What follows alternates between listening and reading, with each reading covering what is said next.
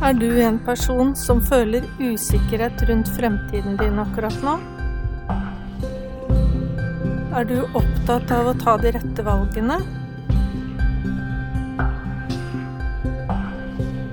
På denne podkasten så vil jeg snakke om hvordan du kan skape trygghet og sikkerhet gjennom hvem du er.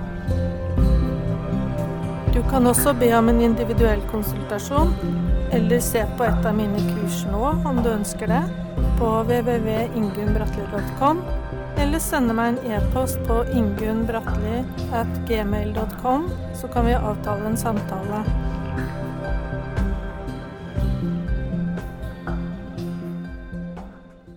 I denne episoden så har jeg tenkt å snakke om uh, selvledelse. Jeg vil dele en uh, historie fra virkeligheten om hvordan mangel på tilstedeværelse skadet meg fordi jeg ikke var oppmerksom i øyeblikket. Du har kanskje selv noen erfaringer på at det har skada deg fordi du handla automatisk uten å tenke deg om i en situasjon. Jeg skal snakke litt om hvordan det går an å ta litt mer kontroll. For det er jo fort gjort å handle litt automatisk og vanemessig, slik som jeg gjorde i den historien jeg skal dele med deg nå. Jeg har kanskje Dette er noe av det som har påvirket meg mest når det gjelder eh, min egen selvledelse, fordi det fikk så fatale konsekvenser for meg. Jobbet jeg som leder Ledelse er jo Sånn som det ofte er når man er i en travel situasjon, så kan det bli noe en gjør i Man snakker med folk i forbifarten. Det er eh, Ja, det kan være en rask samtale på gangen, og det kan oppstå uventa situasjoner, sånn som skjedde for meg, hvor det på en måte ikke er noe rom for å tenke så veldig mye, men man gjør mer, handler automatisk i øyeblikket det som eh, Jeg lærte mye av det som skjedde. Og det som skjedde, det var at tidlig en onsdagsmorgen, den Det var 26. mai, ganske mange år siden, så fikk jeg uventa besøk på kontoret mitt av en lederkollega. Vi jobbet i samme lederteam. Og jeg husker fortsatt denne hendelsen veldig klart, nesten som i går, fordi den uh, satt veldig støkk i meg etterpå. Min kollega kom uh, Det var ganske tidlig på morgenen, jeg hadde ikke vært på kontoret så lenge. Så kommer min kollega styrtende inn, og hun var veldig opprørt og delvis gråt litt og fortalte at uh, en pleietrengende pasient i hennes virksomhet ved et uhell hadde blitt strøket fra arbeidslistene til personalet. Og det er jo kjempealvorlig. Det betyr jo at pasienten ikke hadde fått hjelp. Pasienten hadde blitt funnet av sine pårørende etter fire døgn og da blitt innlagt på sykehuset akutt. Og det min kollega fortalte, det var jo at eh, hun hadde akkurat fått beskjed fra sykehuset at denne pasienten døde som følge av skaden hun hadde fått. Det er jo en alvorlig hendelse, så alvorlig at også ordfører og formannskapet var blitt orientert så var uh, min kollega blitt sendt til meg. Der satt hun på kontoret mitt og nærmest bønnfalt meg på hjelp, og jeg husker eh, øyeblikket veldig godt. Hun virket uh, redd, og det er jo helt naturlig, i hvert fall for meg, og så fikk jeg veldig medfølelse for den fortvilelsen som kollegaen min var satt oppi. Det var jo veldig lett å leve seg inn i det òg, da. For det, det er jo en grusom hendelse som hadde skjedd. hun var jo også selvfølgelig redd for at det kunne få store konsekvenser. Og også var det slik at en At hun i tillegg hadde gjennomført akkurat en stor omorganisering i avdelingen. Så det var ganske mye Hadde vært en del støy rundt det. Og så kom jo da dette her på toppen. I det øyeblikket der, så i tillegg til at jeg kjente på selvfølgelig veldig sympati for kollegaen min, så husker jeg også at jeg ble sint fordi min kollega og jeg hadde eh, tatt opp med eh, kommunalsjefen at vi eh, ikke var bekvemme et et system, et pasientsystem, som ble innført på den tiden. Og vi hadde Følte vel ikke at vi var blitt hørt, og hadde skrevet skriftlig et varsel til kommunalsjefen om at det var sikkerhetsbrist med dette systemet, dette IT-baserte systemet. Og sikkerhetsbristen gikk ut på at så var det åpent, sånn at hvem som helst ansatt i helse og omsorg kunne gå inn og slette og opprette pasienter. Så det var alvorlig. Og så skjedde nettopp det som vi hadde varsla om.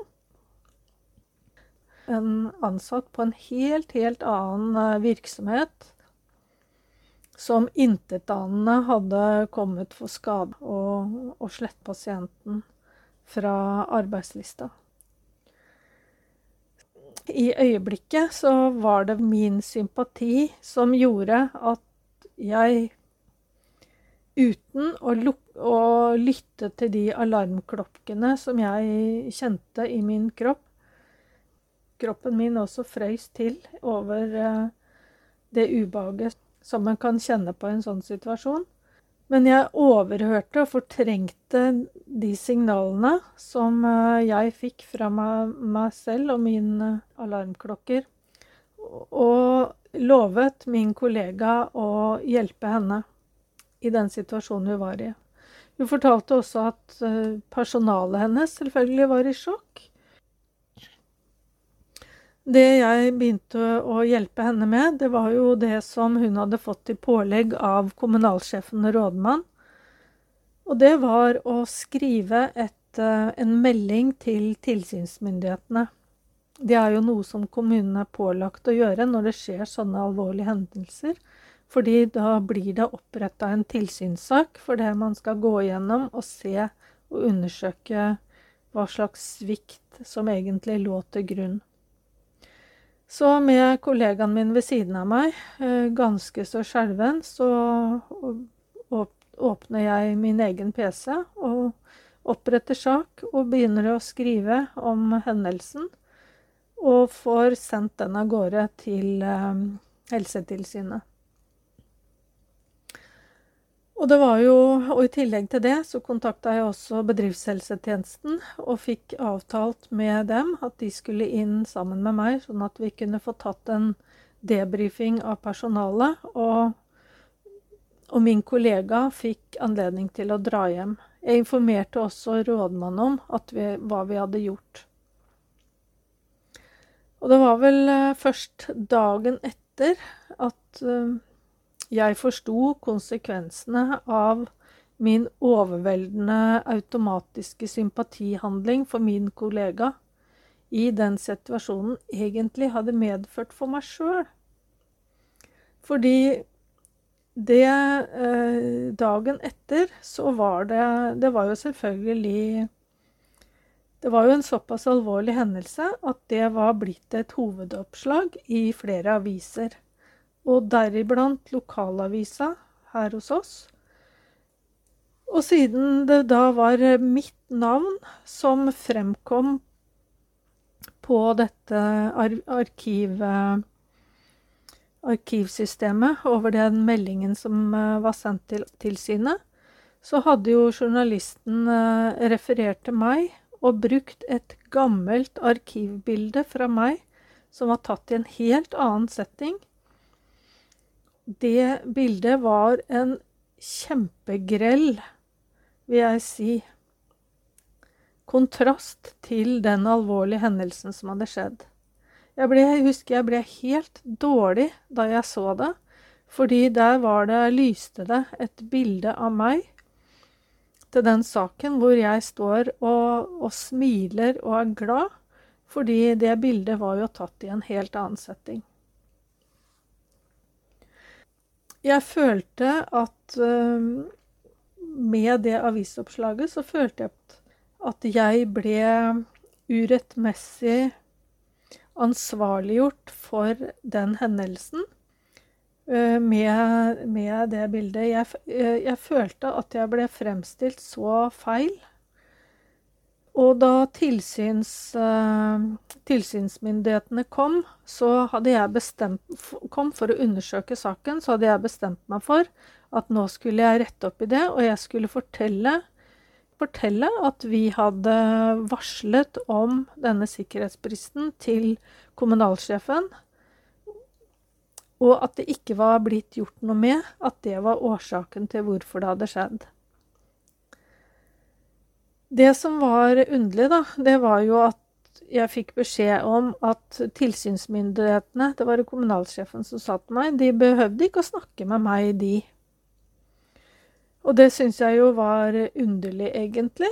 For det Jeg hadde jo det var jeg som hadde skrevet brevet, og jeg hadde jo et behov for å fortelle litt om hva som egentlig hadde skjedd den dagen. Om min kollega og, den hjelpen og den gode intensjonen jeg hadde hatt overfor henne. Og ikke minst eh, varselet. Og jeg tenkte mye gjennom det hva, hva som egentlig hadde skjedd. Og, og hvorfor jeg ikke ble invitert til å også snakke med tilsynsmyndighetene da de eh, kom for å undersøke denne alvorlige hendelsen. Men så fikk jeg en innsikt i hele bildet. Hva min intuisjon og hva mine alarmklokker egentlig hadde forsøkt å fortelle meg i den situasjonen da min kollega kom på kontoret mitt. Det alarmklokkene mine egentlig prøvde å si, det var jo at få meg til å stille et spørsmål om hvorfor var kommunalsjefen så fraværende i den situasjonen? Hvorfor ble min kollega, som var veldig hardt belasta, sendt til meg hvor var eh, rådmann og de andre? Eh, hvorfor hjalp ikke de henne? Og var det riktig at jeg skulle skrive denne Det var, var jo egentlig innlysende at ansvarlig kommunalsjef for dette prosjektet egentlig hadde skjerma seg selv, for det var jo en alvorlig situasjon. Så det var eh, sikkert ingen som eh, ønsket å ta ansvaret. Så derfor så ble jeg fremstilt i, media fordi Ja, fordi jeg hjalp min kollega med dette brevet. Etter dette så opplevde jeg at For jeg tok det opp med kommunalsjefen at jeg reagerte veldig på at jeg ikke fikk lov til å også snakke med tilsynsmyndighetene. Og det, det jeg opplevde etterpå, var egentlig en sånn ja, litt sånn subtil endring, og følelse, fikk en sånn følelse av at jeg ikke lenger var inne i varmen hos rådmann og kommunalsjefen. Og jeg følte vel også at uh, den holdningen deres egentlig forsøkte å stemple meg som en syndebukk for det som var kommunalsjefens forsømmelser. At uh, min kollega og mitt varsel blei dekket over. Og jeg har angret veldig på at jeg sviktet meg selv i den situasjonen, og ikke lyttet til mine alarmklokker i, i situasjonen. Så det har jeg tatt veldig læring av. Og da jeg skrev eh, en fordypning en del år senere, jeg skrev en fordypningsoppgave, så brukte jeg nettopp dette eksempel. Jeg tenkte at det også er viktig at jeg deler denne historien, slik at andre ledere eller andre ansatte blir satt i situasjoner i et eh, øyeblikk. Det jeg gjorde, det var å lage en sånn tilstedeværelseramme for meg selv. Jeg analyserte veldig grundig og kom fram til egentlig fire-fem punkter som, eh, som jeg har brukt mye senere når jeg har vært i ledersituasjoner. Det aller første, det er jo at jeg gjør ikke sånn som jeg gjorde, at jeg lar mine følelser eh, overstyre både alarmklokker og kroppen min og tankene mine, og bare kaste meg ut i, i eh, det som skjer i et øyeblikk, og tar mer styring. Gir mer rom for å lytte også til kroppen min og tankene mine, ikke bare lar følelsene mine automatisk ta styringen, slik som jeg gjorde, som jeg gjorde den gangen. Det andre som jeg har tenkt på, det er at jeg har analysert min egen motivasjon. For det Hvorfor handlet jeg egentlig sånn som jeg gjorde? Hvorfor kastet jeg meg automatisk rundt og, og ga min kollega ubetinget støtte og hjelp uten å, å se ting i en sammenheng. Og jeg lærte noe om min egen motivasjon i den situasjonen. Jeg tror også det er lurt for andre å gjøre, å undersøke hvorfor. Det Neste punktet som jeg analyserte som jeg syns er viktig, det er at jeg tok et valg, og jeg gjorde en beslutning om å hjelpe min kollega i den situasjonen. Istedenfor å bli trigget til å handle ut fra en gammel vane som jeg oppdaget at jeg hadde, så er det også lurt å ha med seg hodet, slik at det man gjør, også blir rasjonelt for seg sjøl. Man skal hjelpe andre, ja, men dersom man ikke inkluderer seg selv, så vil jo handlingen være lite rasjonell. Sånn som i mitt eksempel, så medførte jo det Så var det jo lite rasjonelt i og med at ansvaret ikke ble plassert noe sted. Og man fikk ikke den evalueringen man, med varselet Det ble jo en i stedet så medførte det jo at det ble lagt lokk på egentlig svikt, og hvor den lå. Og at det faktisk hadde kommet et varsel om det også.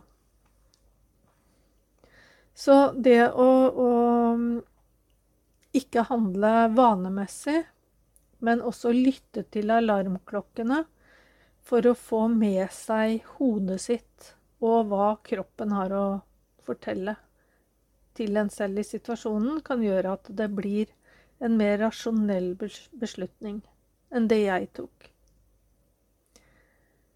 Og det siste, som, eh, som også er er eh, viktig, selvfølgelig, det er jo å, å ha dette pustet, denne pusten med seg når det oppstår ting. Gi seg selv. Man behøver ikke å handle raskt. Det er rom for å ta en liten pause, sånn at man har med seg hele, hele seg selv. Vi er ikke bare en uh, automatisk handling, sånn som jeg var den gangen. Men vi har også Vi kommuniserer også på flere nivåer, sånn som jeg har vist nå. Jeg har laget en ganske grundig analyse av hele denne hendelsen. Og jeg lagde en Jeg skrev en fordypningsoppgave om det. Jeg kan tilby foredrag for ledere om uh, selvledelse. Jeg syns det er særlig viktig for ledere som uh, ofte kan bli satt i sånne litt hektiske situasjoner som krever at en uh, handler raskt. Hvor viktig det er å ha med seg og ha den personlige tryggheten, ha den selvutviklingen i bunn for å ta bedre rasjonelle beslutninger. Og i foredrag og også i veiledning så vil jeg selvfølgelig dele mer av den fordypningen jeg gjorde, enn det jeg har gjort her. Ta gjerne kontakt med meg hvis du føler behov for uh, veiledning, hvis du selv har tilsvarende erfaringer og syns det er vanskelig å komme ut av sånne automatiske reaksjoner som jeg viser til her. Og i et foredrag så kan du kontakte meg på e-post ingunnbratli.gmail.com. Så kommer jeg gjerne på besøk på Zoom, eller i hvert fall nå under koronatiden. Del gjerne, og følg meg gjerne. Trykk på abonner, så snakkes vi.